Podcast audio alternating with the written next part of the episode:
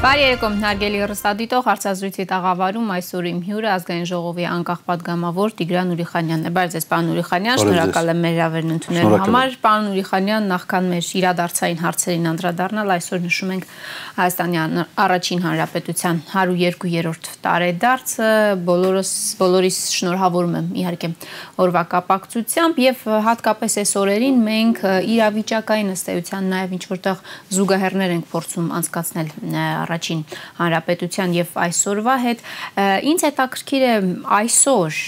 պետականության զգացողությունը ինչ մակարդակի եւ ինչ խորության վրա է գտնվում ձեր գնահատականը խնդրեմ Շնորհակալ եմ շնորհավորանքի համար, շնորհավորում եմ բոլորին, ձեր մեր հերոստադիտողներին, ձեր ամբողջ անձնակազմին եւ իհարկե ինձ որտեվ ինձ համար դա շատ կարեւոր տոն է, շատ կարեւոր տոն է։ Ես ցավում եմ, բայց պետության նշանակությունը, պետության բովանդակությունը, պետական խորհրդանիշները, առասարակ այդ ընկալումը, այդ երևույթի պետություն ունենալու երևույթի այդ հաճույքի, այդ կարևորության չեմ զգում հասարակության մեջ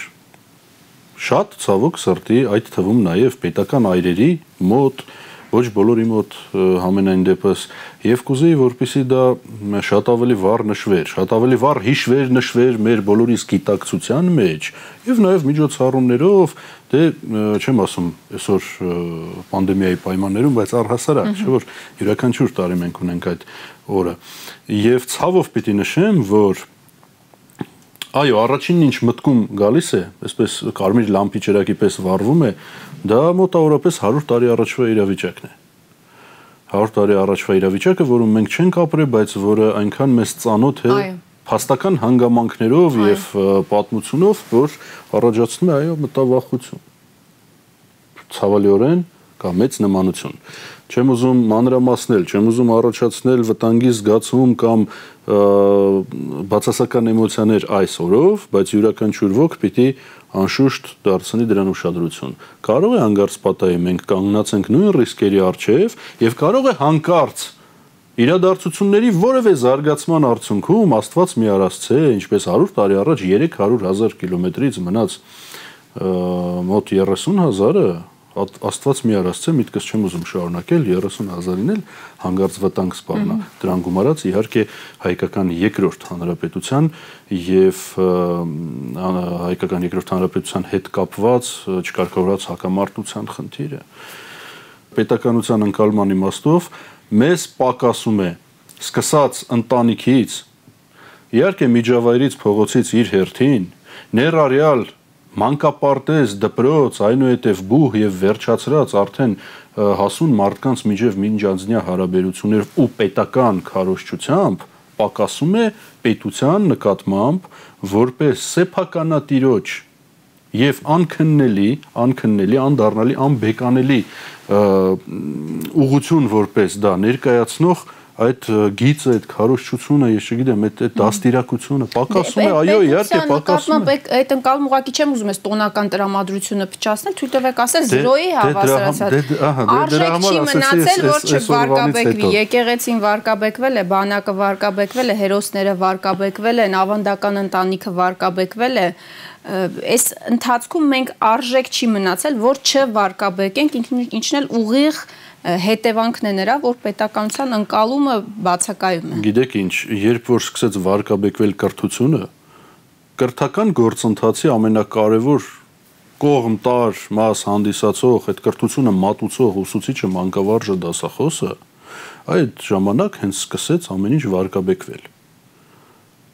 այն նրանից սկսած, երբ դաստիարակությունը, կրկնում եմ, փոխ հարաբերություններում նախ եւ առաջ տարական քաղաքավարությունը դրանից էլ հենց բխող հանրային շահի եւ պետության առաջին հերթին կարևորությունը մարդկանց գիտակցության մեջ, որ պահից որ սկսեց ստորադասվել այլ բաների, իսկ դա տեղի ունեցավ 90-ականներից սկսած դրա հաննկատմամբ գիծ էր տարում նաև խորհրդային միության ժամանակ նկատի ունեմ որոշակի այսպես ազգային ավանդական եւ էթնիկական յուրահատկությունների նկատմամբ ընդհանուր կենտրոնացված քաղաքականություն, այդ պահից էլ ամեն ինչ սկսեց։ Իսկ անկախության պահից, անկախության օրվանից մենք մենք ասելով մեր նախորդ ծերունդները, որոնք այդ անկախությունը ապարգևեցին երկրին, ժողովրդին եւ հաջորդ ծերունդներին, պետք է սկսեին հենց դրանից։ Ամենակարևոր կապիտալը մարդն է, երբ որ մարդիկ մնացին սոված եւ սկսեցին լուծել օրվա կենցաղային նյութական եւ կներեք կենսաբանական գոյության, գոյատևման խնդիրներ, այդ պահից սկսեց ամեն ինչ արժե զրկվել երբ որ սկսեց թալանը, երբ որ առաջացավ կոռուպցիան, երբ որ առաջացավ անարթարությունն ու ան իրավահավասարությունը, այդ ամեն ինչը սկսեց։ Լուծվել են հիմա այդ խնդիրները։ Եթե լուծված լինեին, ամեն քարորի այս հարց չէի բարձրացնի։ Ամեն առիթով չէի բերի օրենքի նախագիծ, չէի աշխատի խորհրդարանում ընդհանրապես եւ չէի հետաքրքրվի հավատացած եղեք քաղաքականությամբ առհասարակ։ Չլիներ մաքսանենք սիգարետների մասին հարց չէի քնչեցնի։ Դրան պետք է դեռ անդրադառնալ։ Եվ անցում ենք կատարում դրան, պարոն Ուրիխանյան։ Ձեզ բավարարեց Նիկոլ Փաշինյանի պատասխանը։ Այդ աղմուկ հանած պատմության հետ կապված մաքսանենք սիգարետների 3 ինքնաթիռ է։ Եթե չեմ սխալվում արդեն։ Շատ բան չի բավարարում։ Կարող է բավարարել, կարող է չբավարարել։ Կարևորն այն է, որպիսի որևէ տեղի ունեցած իրադարձություն, այդ թվում ազգային ժողովում, բավարարի հասարակությանը, որը ձևավորել է այս ազգային ժողովը, որն ընտրել է այս իշխանությանը, որն ընտրել է այս ընդդիմությանը, այդ թվում ձեր խոնար ծառային, կարևոր է որպեսի մարդկանց բավարարի։ դե Իմ անելիքը տեսնում եմ հետևյալի մեջ. վերհանել, բարձրացնել, ցուցադրել, մատնանշել եւ առաջին հերթին աջակցել աջակցել, ոչ թե իշխանությանը աջակցել, Փաշինյանին, չգիտեմ, մյուսին, մյուսին, նախ եւ առաջ ժողովրդին հասարակությանը աջակցել։ Այս է կարևորը։ Ինչ կարող է բավարարի, կարող է չբավարարի։ Մենք իհարկե շարունակելու ենք դրանով հետաքրքրվել ու զբաղվել եւ ոչ միայն ես։ Այս հարցով։ Այդ թվում այս հարցով իհարկե։ Եվ այդ երկխոսությունը պիտի ունենա իր շարունակությունը, տրամաբանությունը, ավարտը, վերջապես ինչքան կարող են թրջել ինքնաթիռներ,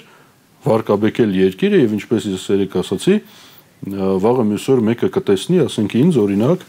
միտեղ մի այլ երկրում կասի այս այն մաքսանենք երկրի падգամավորնա կամ քաղաքացինա ձեզ կտեսնեն կասեն այս այն մաքսանենք պետության երկրի ուրեմն հայտնի հերոստա աստառնա ձեզ դա դուր կգա կարծում եմ ոչ հետեւաբար սա բոլորիս խնդիրն է անշուշտ պետք է զբաղվենք բա իհարկե բայց կրկնեմ կարևոր է որպեսի եզրակացություններ ձևավորեն իրենց համար մարդիկ։ Հիմա ինչ եզրակացություն արեցին մարդիկ իրենց համար, երբ որ Փաշինյանը ուղիղ պատասխան չտվեց ձեր հարցին, դեռ մի բան էլ հաստատեց, ասում է առնվազն վերջին 5 տարում այդ համակարգում ոչ մի բան չի փոխվել։ Առնվազն վերջին 5 տարուց 2 տարին ինքն է ղեկավարում։ Դե գիտեք, շատ բան չի փոխվել բաներ կան, որ փոխվել են, բայց շատ բանել չի փոխվել։ Բայց իրենք փոփոխություններ անելու համար ընտրությունների ժամանակ իշխանության չէ, ընտրությունների ժամանակ, այո, այո, ընտրությունների ժամանակ, եթե չեմ սխալվում 49% մասնակցից 78%-ը մոտավորապես, եթե սխալվում եմ ուղեք, իրենց քվեն տվեցին իմ քայլին։ Ճիշտ է։ 70։ Հետևաբար, այս երկու տարվա ընթացքում տեղի չունեցածի վերաբերյալ մարդիկ իրենց հարցերը պիտի տան հենց նրանց ում ընտրել են։ Եվ տեղի ունեցածի վերաբերյալ էլ պիտի տան հարցեր ում ընտրել են։ Ես որպես մարդ, որը ընտրել է Նիկոլ Փաշինյանին ազգային ժողովում, որպես մարդ, որը շատ երկար բանակցել է իր հետ, միասնաբար նախկին համակարգի դեմ պայքարը շարունակելու ինչպես որ արել ենք, չէ՞ որ ես նախորդ խորհրդարանում էլ եմ եղել ընդդիմադիր, դրանից առաջ խորհրդարանում էլ եմ եղել ընդդիմադիր, իմ լեզուն երկար է այդ իմաստով։ Եվ որևէ մեկը չի կարող ասել, բայ այն ինչի չէիք այն ժամանակ ասում։ Քննարկել ենք հենց այն ինչը պիտի փոխվի։ Իզարմանս շատ բան չի փոխվում։ Եվ երբ որ մենք ազգային ժողովում ամբողջ խորհրդարանական կազմից ընդամենը երկուսով քվեարկեցինք դեմ գախտնի ծախսերին բարձրաստիճան պաշտոնյաներին, նկատի ունեմ այդ օրենքի նախագծին, երկու դեմ է արձանագրվել Նիկոլ Փաշինյան, Տիգրան Ուրիխանյան։ Ես անկեղծորեն havատում եի, որ եթե մենք գանք իշխանության կամ գոնե մեզանից մեկը, ապա բնականաբար այդ կարգը կփոխվի։ Իսկ տեսեք, ընդամենը երկու ամիս առաջ Տիգրան Ուրիխանյանը ստիպված էր Նիկոլ Փաշինյանին հարցնել ինչու չի փոխվել, ինչ են էլի արվում այդ ծախսերը։ Եվ այսինքն падգամավոր վարչապետ Նիկոլ Փաշինյանը հերո է падգամավոր Նիկոլ Փաշինյանից։ Գիտեք, ես չեմ ուզում տալ անձնական որակումներ եւ դասակարգվել այսօրվա այդ թվում եւ հատկապես թվային տեղեկատվական այդ ուզում եմ կոռեկտ արտահայտվել բավարար մակարդակին չհասնող տիրույթից ուզում եմ տարբերվել, չեմ ուզում մխրճվել դրա մեջ։ Դրա համար ինձ այդ ձևակերպումներից զերծ պահել։ Չէ, ինչ տարբերվում է, չի տարբերվում, չի արել։ Ինչու։ Չի արել։ Ինչու չի արել։ Պարտադիր կൂട്ടակային կենսաթոշակային համակարգը չի վերացրել, թոշակները դրա հաշվին չի բարձրացրել։ Ուրիշ ինչ որ հաշվին բարձրացրել է, բայց կարելի էր կարկնակի երրակի անել կարմիր գծերն ու արագաչափերը չի վերացվել, քաղաքական մենաշնորը չի վերացվել, գախնի ծախսերը չեն վերացվել, սուպեր վարչապետությունը Սերժ Սարգսյանի վրա կարված չի վերացվել։ Կադրային քաղաքականությունը, գիտեք, այո, ես ցասում եմ, զգում, ջղայնանում եմ, վրթովում եմ եւ առնվազն զարմանում եմ։ Երբ որ ստվերի կոռուպցիայի թալանի անարդյունավետ կառավարման տարիների ժամանակաշրջանում ֆինանսական, պետական ֆինանսական համակարգը ղեկավարած անձանցից մեկը այսօր էլ ղեկավարում է այդ ֆինանսական պետական համակարգը ֆինանսների նախարարի պաշտոնում կամ արտակարգ իրավիճակների պաշտոնում։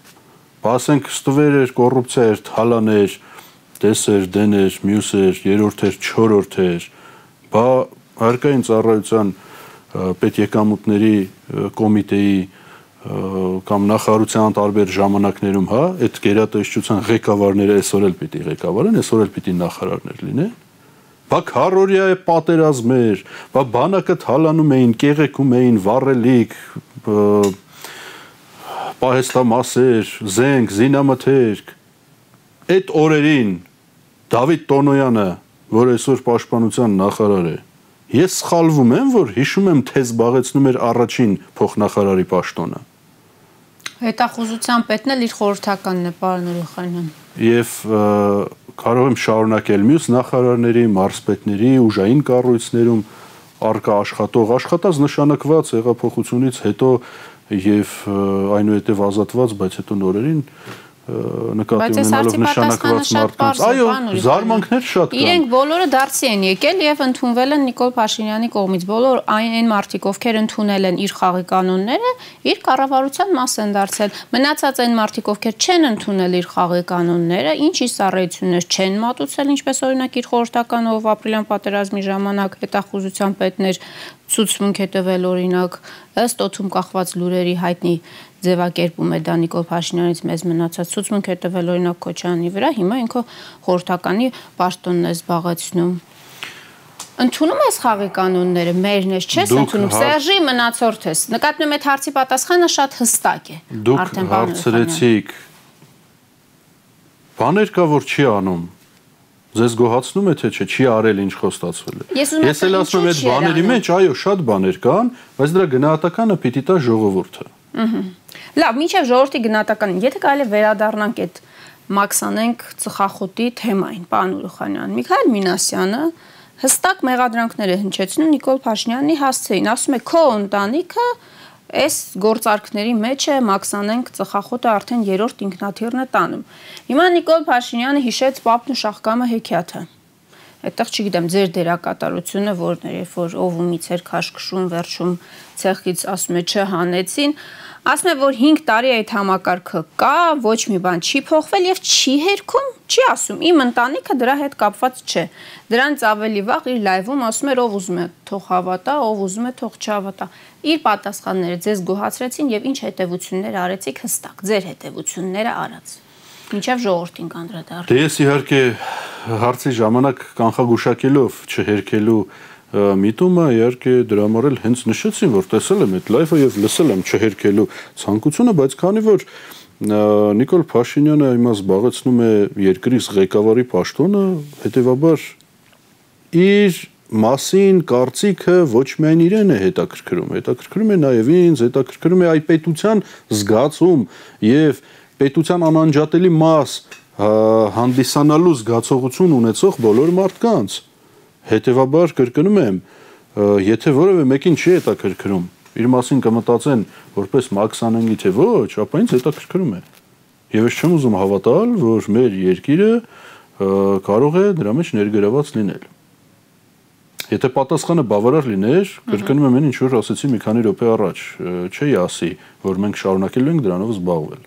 Ինչ է դա։ Ընդհանուր միջև պարզաբանումներ, թե դա ենթադրում է падգամավորի գործիքակազմի կիրառում, դա ենթադրում է հնարամտության ընդգրկում բոլոր հնարավոր տարբերակներով հետաքննություններ, ուսումնասիրություններ իրականացնելու իմաստով հազար ու մի բան, հազար ու մի բան, բա չարչարանք է աշխատանք է, որը պետք է իրականացնել։ Եվ այդպիսի հարցեր շատ են ու բազմաթիվ են։ դե Բայց եկեք մի շատ པարզ բան հասկանանք։ Այո ի տարբերություն այն ընդդիմադիրների, որոնք ժամանակին եղել են իշխանության մեջ, ժամանակին եղել են իշխանության հետ համագործակցող, կապված են ինչ-որ կոնյունկտուրայով նախկին կամ ներկա, կապված են ինչ-որ խնդիրներով, շահերով եւ այլն, հայտնի Մարկ Տվենյան խոսքերը շատ եմ սիրում մահվանս մասին լուրերը փոքր-ինչ չափազանցված են եւ ի հեճուկս զանազան ասեկոսեների ու խոսակցությունների ես որևէ մեկի հետ կապված չեմ Իմ հարցադրումները ծնվում են այստեղ։ Բայց անդադ սլակներ է ուղում այդ մասով պարոն Փաշինյան, եւ որ վարկային արձակուրդի մասին հիշում եք հարցադրում են չեցրեցին։ Ինչ սլակներ կարող են ուղվել, որևէ սլակ չի կարող լինել կամ առնվազն երկար գոյատևել, եթե որևէ բան չկա։ Ես կարող եմ կապ ունենալ ում հետ ուզեմ։ Ահա որևէ մեկը ինձ չի կարող ոչ թելադրել, ոչ ուղղորդել, ոչ ձև պարտադրել հարաբերություններում կամ չգիտեմ, այլ հարցերում, բայց իմ քաղաքական կուրսի տերը եղել եմ ես միշտ անկախ նրանից, թե եղել եմ որևէ խմբակցության մեջ, թե չեմ եղել որևէ խմբակցության մեջ, եղել եմ ազգային ժողովում, թե չեմ եղել եւ առավել եւս հիմա էլ ես եմ։ Հետևաբար այդ բոլոր հարցերը ծնվում են այստեղ մեկ պատճառով, մեկ նկատառումով, որ երկրումս հարց լուծվի, որ վիճակ փոխվի, որ բան բարեկարգվի, որ կյանքը լավանա։ Իսկ ինչ ենք մենք ուզում։ Մենք ուզում ենք մենք, այսինքն ես, դուք, մեր հարգարժան օպերատորները, մեր սիրելի եւ մեզ դիտող հերոստադիտողները, հանրությունը մենք ուզում ենք ապրել նորմալ կյանքով, այսինքն ունենալ հնարավորություն աշխատելու, արժանավայել, հատուցվելու անվտանգության պայմաններում եւ կներեք զարգացման ճանապարհով այսինքն բացի սնվելուց, հակնվելուց ու բուժվելուց մարդկանց նաեւ մոտ կա նաև ձգտում ներեցեք հանգստանալու, հասարակական մշակութային կյանքով զբաղվելու, ինքնակատարելագործվելու, կրթվելու եւ այլն առաջ գնալու, զարգանալու։ Այս բաներն է պետք մարդկանց ապահովել։ Բա 2 տարի առաջ մարդկանց 2 տարուց արդեն ավել ցավոք սրտի մարդկանց միասնական միավորված հոգու մեջ վառած լույսի ճրակը ինչքան կտևի, եթե այս հարցերը չլուծվեն։ Տևում է թե ոչ։ Սա էլ է արդեն հարց։ Սա է իմ շահը, սա է իմ խնդիրը։ Իսկ եթե որևէ մեկը դրատակ այլ բան է տեսնում, ապա գլուխը քարն է տալիս, ներեցեք ալեգորիկ առօրյա խոսակցական ձևակերպման համար։ Երբ որ առաջարկում էիք վարկային առաջարկում էիք վարկային արցակուրտ 3 ամսով վարկային արցակուրտ տրամադրել մեր քաղաքացիներին ձեզ խիստ բարկացա պարոն Փաշինյանը ձեզ մեղադրեց ձեռ առնելու մեջ եւ ասաց որ գնացեք ձեր շրջապատի հարստությունը բաժանեք մարդկանց ում էր ակնարկում պարոն Փաշինյանը Դա պարոն Փաշինյանին պիտի հարցնեք դե հիմա մարդը սխալվել է ով չի սխալվում է ինչ ա եղել ասենք թե ասեց հետո ի տարբերություն իրեն ես կարողանում եմ էմոցիաները զսպել եւ թույլ չտալ ինձ ոչ կոռեկտ արտահայտություններ, կարծում եմ ինքը գիտակցեց, որ այդ համեմատությունը տեղին չէր եւ ինձ որ հաստատ դա չպիտի ասեր քաջատեղյակ լինելով եւ իմ շրջապատի մասին ինֆորմացված լինելով եւ իմ շրջապատ ընտրելու եւ շրջապատում լինելու չափանիշների ու սկզբունքների մասին հետեւաբար իմ շրջապատում բացառապես բարձր բարոյական արժանինքներ կրող մարդիկ են եւ շատ հարուստ են այդ բարոյականությամբ այո կարող են բաժանել ինչը վերաբերում է նյութականին դե հիմա մարդը ասեց լավ բոլոր գնահատականները պիտի տա հանրությունը։ Դեմ քվյարկեցին ձեր նախագծին, պարոն։ Այդ արդեն լավ չէ։ Բացի ասելը նաև դեմ քվյարկեցին։ Դա արդեն լավ չէ։ Դե հիմա իմ դիրքորոշումը նա էր, որ այս պայմաններում մարդկանց պիտի տրվի առնվազն երամսյա վարկային արձակուրդ տոկոսների չեղարկմամբ, բնականաբար չհաշվարկմամբ։ Իշխող մեծամասնության եւ կառավարության դիրքորոշումը, ինչպես հայտնեց Փաշինյանը, այլ էր, որ դա չպիտի արվի համատարած։ Քաղաքական դիրքորոշումների խնդիր է։ Ես բերեցի օրինակ ժամանակին մեր հարգարժան իմ նաև հարգարժան անդիմադիր գործընկեր падգամավոր Փաշինյանը ասում էր, որ եւ ոչ միայն ասում էր, այլ նույն նույն կերպ նույնպես նախագիծ էր բերել օրենքի, ինքն էլ հենց զեկուցում էր, որ Հայաստանը պիտի Եվրասիական տնտեսական միությունից դուրս գա։ Այո։ Երբ խոսում էին հիմնավորումներից, ասվում էր, որ դա քաղաքական դիրքորոշում է, սա էլ իմ քաղաքական դիրքորոշումն էր։ Այո, կա տարբերություն, կան տարբերություններ։ Եվ այդպես այս երկու տարվա ընթացքում բազմաթիվ նախագծեր են եղել, որոնց դեմ են քվեարկել։ Եղել է նաև 1-2 դրոշակներով էին, չէ, եկել, որ մարդիկ լավ պետք է ապրեն, սոցիալական վիճակը բարվոք պետք է լինի եւ այս ճգնաժամային ֆորս մաժորային իրավիճակներում, երբ որ արտակարգ դրությունը եկում, թեկուզ ձևական հասկանում եմ ինչ եք ասում, անշուշտ պատրաստ եմ շատ ուղիղ պատասխանել բայց ես չեմ ուզում, երբեք չեմ արել դա եւ չեմ էլ անելու։ Ես չեմ ասելու, որ իրենք խափեցին, ես չեմ ասելու, որ իրենք խաղացին մարդկանց հույսերի հետ, ես չեմ մեղադրելու նրանց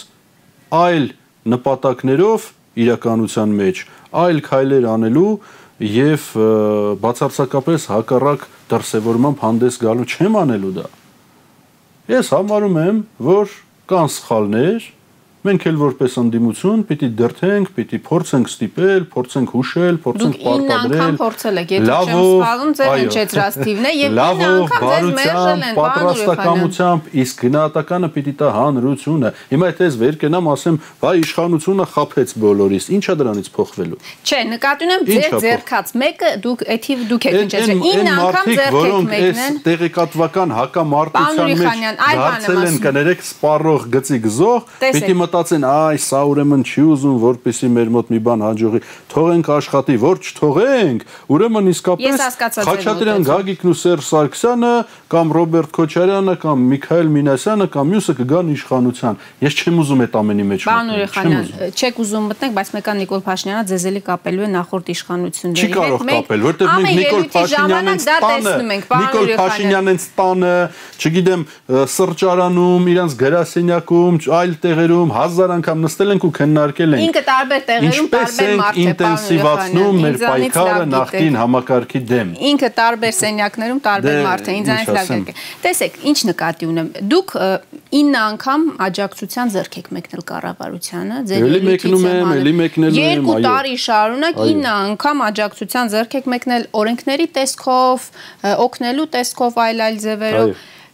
չի ընդունվում։ Ձեր մեկնած ձեռքը օթի մեջ է մնում իշխանությունը հաճախ նեղսրտում է, որ այ ընդդիմությունը միայն քննադատում է, բայց որևէ լուծում չի առաջարկում, չի առաջարկում, թե ինչ է հնարավոր անել, որ լավ լինի։ Միայն քննադատողի դերում է։ Հիմա մենք ունենք փաստ, ձեր փաստը, որ դուք փորձել եք տարբեր ձևերով օգնության ձեռք մեկնել։ Հիմա էլ պնդում եք, որ պատրաստակամ եք օգնելու։ Ինչու է դեպքում չեն ընդունվում այդ մեկնված ձեռքերը օգնում։ Այս հարցը ինձ մոտ առաջին անգամ ծագեց, երբ Փաշինյանը նոր էր ընտրվել, ինչ էին քննարկում չեմ հիշում, միգուցե 19-ի կառավարության ծրագիր էր, միգուցե բյուջե էր, ինչ էր չեմ հիշում, կամ միգուցե այլ օրենք էր, ելույթով հանդես եկա մի շարք առաջարկներ բերեցի, այդ թվում ասացի, որ ինձ բերել են շատ լուրջ ծրագիր, բավականաչափ լավ ու փորձառու եւ հաջողած, պրակտիկորեն հաջողած մասնագետներ, զարմացա, որ արձագանք չեղավ առաջին անգամ այդ ժամանակ ցակեց այդ հարցը։ Ես չգիտեմ։ Եվ որ այդպես լիներ, այնա կլինեի իշխանության մեջ, կաշխատեի իշխանության մեջ։ Դա հենց դրա համար էլ ընդդիմադիր եմ, որպեսի փորձեմ զգոնացնել, սթափեցնել, զանազանել որոշումները, բայց ոչ թշնամանքով, ոչ հակադրմամբ, ոչ ծեծու ջարդով, ոչ աղմուկով, աղաղակով, ոչ գոտկատեղից ներքև եւ հակապետական հարվածներով վերջապես գալու են ընտրություններ։ Ամենաուշը, եթե ոչ ավելի շուտ, մոտ 3.5 տարի հետո ունենալու ենք, հա, ճիշտ եմ հաշվում, 23 թվականին ունենալու ենք հերթական միակ համապետական ընտրությունները խորհրդարանական եւ վարչապետի եւ այլն։ Ուրեմն թող հանրությունը գնա կատարի իր իր ընտրությունը։ Նորից կարող են գնալ ընտրել նույն իշխանությունը, կարող են ընտրել նախկին իշխանություններին, կարող են ընտրել նոր մարդկանց։ Ահա Սա ենք ունենալու։ Չգիտեք, չգիտեք այդ հարցի պատասխանը, թե ինչու իշխանությունը չի սեղմում օգնության մեկնված սերքը։ Ոչ միայն չգիտեմ, այլև գնալով ավելի ու ավելի այդ հարցական նշանը ինձ մոտ մեծանում, չաղանում, սևանում, մքանում եւ մտահոգում։ Դե 1 տարի շարունակ դուք փորձում եք պատասխան ստանալ թե ուր է 1 միլիարդից ավել կազմող զինծառայողների սոցիալապահովության հիմնադրամի հաշվետվություններում։ Չերևացող գումարը եւ դուք հերթագրվում եք, բոլորը մտածում են, որ այդ հարցն եք տալու եւ 1 տարի շարունակ այս པարզ հարցի պատասխանը չկարողանում ստանալ, պարոն Օրիխանյան։ Տեսեք, քրոնոլոգիան հետեւյալն է։ Էլ եմ ասում, ոչ մի կարծիք չեմ հայտնում ոչ մի բանի արդիվ ոչ մի երանգ չեմ տալիս։ Որևէ մեկին չեմ տրամադրում որևէ մեկի կամ որևէ ուժի կամ իրավիճակի հանդեպ ուղակի փաստում եմ տեղի ունեցածը հերթականությամբ։ Առաջին անգամ, երբ որ մեր գործընկեր խորհրդի անդամ հոգաբարձուների խորհրդի անդամ Մեսրոպ Մանուկյանը խնդիրը մատնանշեց, հարցը բարձրացրեցինք։ Միասին բարձրացրեցինք եւ ոչ մեկ անգամ խորհրդի նիստին։ Պատասխաններ չստացանք այդ թվում խորհրդի նախագահ կառավարության անդամ նախարարի կողմից։ Հետո բերեցի հարցը ազգային ժողով։ Բերեցի պետական պաշտոնական ավելի պետական փաստաթուղթ չի լինում, ինչպես վարչապետը փորձեց համեմատել, չի լինում, որտեղ դա հիմնադրամի պաշտոնական պետական հաստատված փաստաթղթերն են, հաշվետվություններն են։ Բերեցի ու ցույց տվեցի ստիպված, որ տեսեք, գրածա մուտք, մուտք վճարվում, վճարված գումարներ, այլ ոչ թե պարտավորություն, ինչպես դատախազություններ մեկնաբանել վերջերս, եւ աշխատատեղեր Եթե բացվել է կամ հայտնաբերվել է, ինչպես ասում են 53000, այնուհետև 60 քանի հազար, հիմա 87000 արդեն էս ամիս པարզվեց աշխատատեղ, ուրեմն համապատասխանաբար այդքան միլիոն դրամ ամսական պիտի մտնի։ Ուրեն այդ ինչի չկա։ Որտեղ է սրա խնդիրը։ Առաջարկվեց խորհրդի նիստ հրավիրել, հրավիրեք, ասեց, դուք եք խորհրդի անդամ, կազմակերպեք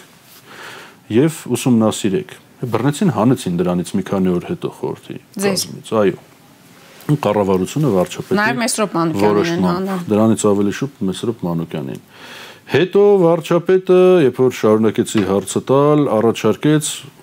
որպեսի ՊՎՑ-ն ստուգումներ իրականացնի հիշում եք այո Հետո որ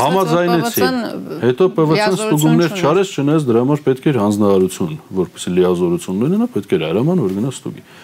Հետո առաջարկեց քննիչ հանձնաժողով ստեղծել ազգային ժողովում։ Էդ էլ սկսեցի անել։ Լավ, ես բանում գործ չունեմ, ամեն առաջարկը սիրով ընդունում եմ, փորձում եմ օգնել։ Հետո մերժեցի դեր առաջարկը։ կազմակերպեցի, գրավոր դիմեցի, սպասում եմ հիմա որ Բարգավաճ Հայաստանն ու Լուսավոր Հայաստանը պատասխանեն, չեն պատասխանում, չգիտեմ ինչի։ Իմ քայլը մերժել։ Իսկ իմ քայլը անմիջապես մերժեց վարչապետի հենց բերած առաջարկը։ Մի անգամ ասեց եկեք հավաքվենք, քննարկենք, խորհրդակցենք։ Պարզենք թե փողն Դրա արդյունքում ոչ թե հավաքվեցինք, այլ վարչապետի օկնականը իդեպ հենց նույն փաստաթուղթը ինձ երեք փոխանցեց Փաշինյանը։ Երևի ինքը մտածում էր, որ ես չեմ ստացել դա, բայց ես ստացել եմ դա մի երկու ամիս առաջ։ Հենց այդ փաստաթղթում էր գրված։ Ես գիտեի միլիարդ 200 միլիոնի մասին է այն պահին խոսքը գնում, բայց երբ փաստաթուղթն եկավ, սևով սպիտակի վրա այնտեղ գրված է։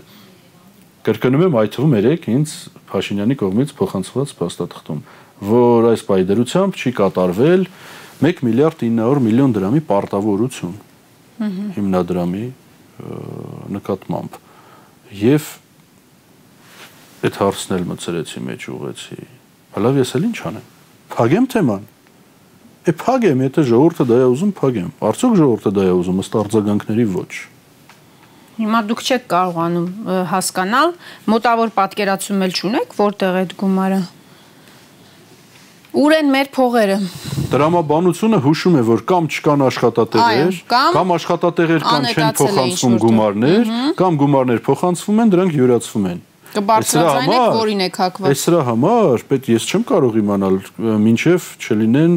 քննություն, հետաքննություններ, քննություններ եւ այլն ուսումնասիրությունների մակարդակով դա այլևս հնարավոր չէ բարձել։ Դրա համար պետք են աշխատակազմեր, ապարատներ, հատուկ լծակներ, լիազորություններ, պատկան մարմիններ կան, պիտի զբաղվեն, մենք կունենանք հիմա կրկնում եմ երկու շաբթի օրը դատախազի հետ, գլխավոր դատախազի հետ այդ թեմայի շուրջ երկխոսություն, այնուհետև շարունակելու ենք, իհարկե շարունակելու եմ եւ զբաղվելու եմ ոչ միայն այդ հարցով։ Որպես ամփոփում, ինչ ունենք այս երկու տարվա ընթացքում եւ եթե կարելի է նաեւ կորոնավիրուսային էս իրավիճակը գումարենք այսօր 442 նոր վարակակիր ունենք 15 մա վարակվածների ընդհանուր թիվը 8216-ն է արդեն մահվան դեպքերի ընդհանուր թիվը 157, որքանով է իշխանությունը կարողանում adekvat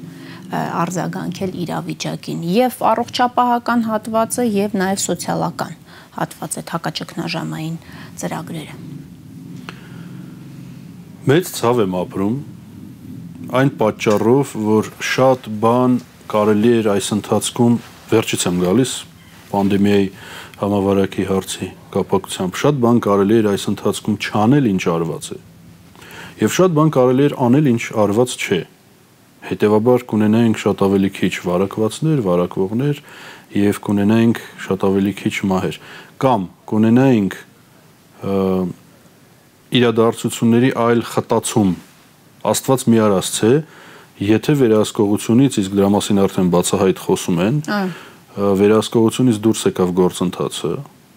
երկրաչափական պրոգրեսիվ էքսպոնենտով զարգացումը բերում է པարզ եզրահանգման։ Ընդամենը շփատներ անց մենք կարող ենք ունենալ այնպիսի իրավիճակ, երբ մարդը կներեք հիվանդը կրկին կհասնի հիվանդանոց եւ իրեն այնտեղ չեն ընդունի։ Ընդամենը օրեր անց մենք կարող ենք ունենալ իրավիճակ, երբ արհեստական շնչառության ապարատները ուղղակի չեն հերիքելու։ Մարդիկ չեն միացել, դա ինչ են հիվանդները տներում են։ Ցավակցությունս բոլոր մահացածներին խորը վշտով, խորը ցավով ինձ մոտ հարց է առաջանում։ Միգուցե կարելի էր այնպիսի բաներ անել, որի արդյունքում դա տեղի չունենար։ Օրինակ իոնիզատորների տեղակայում արտադրամ ասերում։ Օրինակ լայնածավալ դեզինֆեկցիայի իրականացում պետական միջոցներով պետության կազմակերպմամբ հասարակական վայրերում բոլոր, գիտեք, սկսած են հպման հատվածներից վերջացրած մարդկանց որոշակի թվով կൂട്ടակման տարածքներից։ Շատ ավելի զգուշ էր պետք լինել, այո։ Ինչ վերաբերում է ձեռքբերումներ եւ եւ ամենակարևորը լավ է որ հիմա տարական կանոնների պահպանման վրա շեշտադրում է արվում։ Լավ է որ գիտակցում են իշխանությունները, որ սխալ են արել ազգային ժողովի նախագահան անցած օրն ասաց, օրինակ ես սխալ եմ արել, լավ որ չեմ կրել բան եւ այլն։ Հիմա կոչս հետեւյալն է, օգտվեմ ձեր եթերի հնարավորությունից։ Այո, մարդիկ պիտի փոքր ինչ զգոն լինեն։ Այո, վարակը կա։ Այո, այն անհասկանալի է եւ դեռևս վտանգավոր է մարդկության համար մի փոքր զուսպ լինել, հերո մնալ միմյանցից, դիմակ կրել, ախտահանել ձեռքերը, ախտահանվել հնարավոր, ախտահանել այն բոլոր պարագաները, որոնց հետ առնչություն ունենք, փորձենք մենք ինքներս մեզ պահենք, որովհետև ապավինել, որ առողջապահության նախարարությունը կամ պարետատունը մեզ կերաշխավորի, այսինքն կապահովագրի այդ վտանգից, այլևս անիմաստ է եւ հիմնվում են ոչ թե ենթադրությանս վրա, այլ արկա թվերի ու ցուցանիշների։ Ինչ վերաբերում է այս տարիների ձեռքբերումներին, հա ձեռքբերումներ իհարկե ունենք։ Ձեռքբերումներից մեկն այն էր, որ առաջացավ հույս։ Ձեռքբերումներից մեկն այն էր, որ մարդիկ հասկացան, որ նույնիսկ կազմակերպված կամ հրահրվող գործընթացների մեջ ու շրջանակներում այդ ու հանդերձ զանգվածային կամքի դրսևորումը, միավորված կամքը եւ այդ կամքի դրսևորումը, պահանջատիրությունը եթե ոչ կտրուկ շրջադարձային փոփոխություններ կարող է բերել, ապա էապես ստիպել հաշվի նստել։ Հետևաբար սա ամենամեծ ձեռքբերումն է, հետևաբար սա ոչ մի կերպ չի կարելի կոտրել հիասթափություն չի կարելի թույլ տալ, ժողովուրդը երբեք ու երբեք չպիտի հիասթափվի։ Այս իշխանությունը եթե տապալվեց, այս իշխանության վարկանիշի անկման հետ, այս իշխանության չհաջողելու հետ, մենք բոլորս ենք կործանվելու նախ եւ առաջ այդ ձեռքբերման կորստի իմաստով։ Հեղափոխություն կոչվածի ջախջախումը մարդկանց հուսահատության իմաստով ցավ է ու հարված է նախ եւ առաջ ինձ համար որովհետև եթե մարդիկ չհավատացին ոչ մի բանի, ելի ունենալու են կընտրություն, երբ որ ասելու են տվեք իմ 5000 կամ 10000-ը, թե չէ ինչի սա պետք է Էլի ասելու են ոչ մի բանի չեմ հավատում։ Հիմա ասելու են այս իշխանությունը ոնց կուզի տենց կլինի, կամ այն մյուսը, կամ չգիտեմ նախորդների պես, այս է ամենավատը։ Պարոն Յուխանյան, այդու անձերց այս իշխանության հեռանալով չեմ կարծում որ կյանքը կավարտվի եւ շատ հորետեսական։ Ոչինչ ոչ մի բանով չի ավարտվի։ Ես ասում ունենք ձեռք բերում, ձեր հարցին եմ պատասխանում։ Եվ այդ ձեռք բերումը չի կարելի կորցնել։ Ինչ ունենք եւ լավը եւ վատը։ Այսքան խոսելու արդյունքում արձանագրեցինք, որ եթե ամեն ինչ լավ լիներ, ես քաղաքականությունից դուրս կգայի, կզբաղվեի բազմաթիվ իմ կողմից սիրված այլ գործերով։ Այո, բազմաթիվ խնդիրներ կան, բազմաթիվ հարցեր կան, ջղայնություն կա, անհամաձայնություն կա, խնդիրներ կա, բայց կա մի པարզ բան։ Հնին Անցյալին վերադարձ չի լինելու կամ պիտի նորերը լավ աշխատեն, կամ նորերին փոխարինելու են ավելի նորերը։ Անցյալ նկատի ունեմ համակարգ, նկատի ունեմ անարդյունավետ կառավարում, նկատի ունեմ մարդկանց, նաև որոնք այսօր են իշխանության մեջ։ Նկատի ունեմ հազար ու մի այլ բան, ինչը որ դուր չի եկել մեզ, ձեզ, մեր հասարակությանը, ինչի դեմ դուրս են եկել մարդիկ 18 թվականին մտածելով, որ դրա դեմ են դուրս գալի Երկու շատ կարծ հարց, պարոն Ուխան, 18 թվականի իրադարձությունները դուք հեղափոխություն եք որակում։ 18 թվականի իրադարձությունները ես որակում եմ այնպես, ինչպիսին դրանք եղել են։ Ինչպիսին են եղել։ տարբեր են դարձել։ Որովհետև եթե ես ասեմ, որ մարդիկ խափնվել են, եթե ես ասեմ, որ մարդիկ խափնվել են, ապա բերելու եմ մարդկանց ու ինձ առաջին հերթին այն վնասը, որի մասին նոր խոսում էի։ Հեղափոխությունն է եղել, հեղաշրջում է եղել, թե իշխանապողությունն է եղել։ Տեղի ունեցել գործընթաց, որի արդյունքում փոխվել է համակարգ, փոխվել է իշխանություն, համակարգ է փոխվել է իշխանություն եւ ամենակարևորը առաջացել է հույս ու ցանկություն ընդհանրապես վերացնելու վատը եւ բերելու միայն լավը, բայց հազար բան տեղի չի ունեցել այնպես ինչպես պիտի լիներ եւ հազար իմաստով այդ հույսը չի առաջացել, չի արդարացվել։ Հիմա դուք ուզում եք որ ասեմ հեղափոխություն չի եղել, իշխանապողություն, հա? Ես տերմինն եմ ուզում հասկանալ, դուք ինչ տերմինով եք։ Չեմ խուսափելու ոչ մի բառից, չեմ խուսափելու։ Ոչ մի բառից չեմ խուսափել։ Ինչ ուզում եք հարցրեք։ Ձեր ասածից իշխանապողություն է եղել։ Իշխանափոխություն ա եղել իհարկե, բայց իշխանություն չի փոխվել, բայց ո՞նց է փոխվել։ Մարդկանց ոդկի կանգնելու հետևանքով է փոխվել։ Եվ քաղաքական ուժեր կան, առանձին անհատ գործիչներ կան, ովքեր ասում են, որ պահանջ են հնչեցնում, կոչ են հնչեցնում, չգիտեմ, ձևակերպումը, ձևակերպումը հետևյալն է։ Այս իշխանությունը պետք է հեռանա։ Այս իշխանությունը պետք է հեռանա։ Ձեր կարծիքը ո՞րն է։ Այս իշխանությունը կարող է հեռան, ոչ թե կարող է, այլ այո, իհարկե, ցանկացած իշխանություն ինչ որ մի օր պիտի պիտի հեռանա։ Եվ պետք է հակաճգնաժամային կառավարություն Շատ լավ է հարցը ձևակերպում, ես հենց հենց այդպես է կպատասխանեմ, այն պահին պիտի հեռանա։ Երբ որ կլինի դրանից լավ տարբերակ եւ այլ առաջարկ հասարակությանը, երբ որ կլինի այլ ընտրանք, Իսկ որ հերացավ, ով է լինելու հաջորդ առողջապահության նախարարը, արտակարգ իրավիճակների ղեկավարը, կրթական ոլորտի գերատեսչության ղեկավարը, ներքին գործերի ազգային անվտանգության ծառայության ղեկավարը, ովքեր են լինելու ծառայությունների կոմիտեների գերատեսչությունների եւ այլ կից օժանդակ կառույցների ղեկավարները, ովքեր են աշխատելու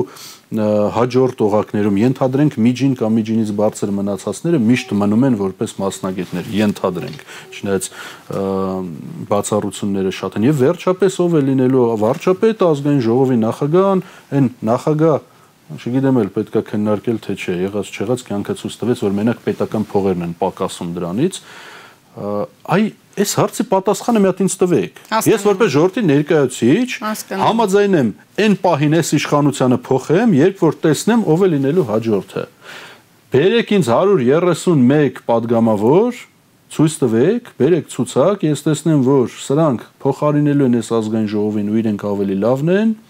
Ես հենց հիմա կանգնեմ ձեր կողքին, եթե դուք գնում եք իշխանապողության ճանապարհով եւ վերջապես ամենակարևոր բան՝ ծրագիրը որն է լինելու։ Հիմա եթե էլ եկավ ինչ որ մի իշխանություն, ավելի ճիշտ հավակնորդ ասեց Նիկոլին փոխեցինք կյանքը միանգամից լավանալու է, ես ասելու եմ մի րոպե կյանքը լավանալու են ժամանակ, երբ որ դուք այլևս կապացուցեք, որ գալու են ներդրումներ, որ լինելու է շրջանառություն, ծրագիր առանց կադրերի եւ մենք այսօր ունենք այն ինչ վատ եկավ առնվազն մի քանի անգամ Նիկոլ Փաշինյանին այն ժամանակ իմ գործընկեր Հարգարժան Նիկոլին ասում էի, եթե գալու ենք իշխանության, պիտի նախ եւ առաջ ապահովենք թիմ ինքն էլ ասում էր, երբ որ կգանք, մենք կգտնենք չերևացող են լավ մարդկանց, որոնց այսօր համակարգը խեղտում է, եւ կբերենք պաշտոնների ու իրանք ազնիվ կաշխատեն։ Բայց եկան պաշտոնների Ատոմ Ջանջուղասյանը, Դավիթ Տոնոյանը, Ֆելիքս Ցոլակյանը, Հունան Պողոսյանը, եթե մենքով եք խոսում։ Ես ընդդիմադիր եմ։ Չէ, բայց միասին եք, չէ՞ ծրագրեր կազմել, պարոն Իշխանյան, միասին եք, չէ՞ ծրագրեր կազմել, ասում եք, երբ որ մենք քննարկում ենք, բայց հետո չստացվեց, չգիտեմ ինչու չստացվեց, իմ մոտ միշտ եղել է ցանկություն։ Միասին իր հետ միասին Ոչ միայն իր հետ, բոլոր նրանց հետ, ովքեր անարդյունավետ կառավարման համակարգի անձերի այդ բացասական բոլոր երևույթների դեմ պայքարում էին։ Շնորհակալ եմ։ Ասած որն եք, շնորհակալ եմ ես թույլ տվեք ամփոփեմ, որը որպիսի որևէ անհասկանալի եւ չպարզաբանված բան չմնա։ Անձերի փոփոխությամբ ոչինչ չի փոխվելու եթե չփոխվեց համակարգային առումով։ Եվ մենք հիմա դա տեսնում ենք նաև շատ իմաստներով։ Շնորհակալ եմ զրույցի համար արծածուցի տաղավարում իմ հյուրը ազգային ժողովի անկախ падգամավոր Տիգրան Ուրիխանյանն էր։ Ամուրի հանդիպենք վաղը։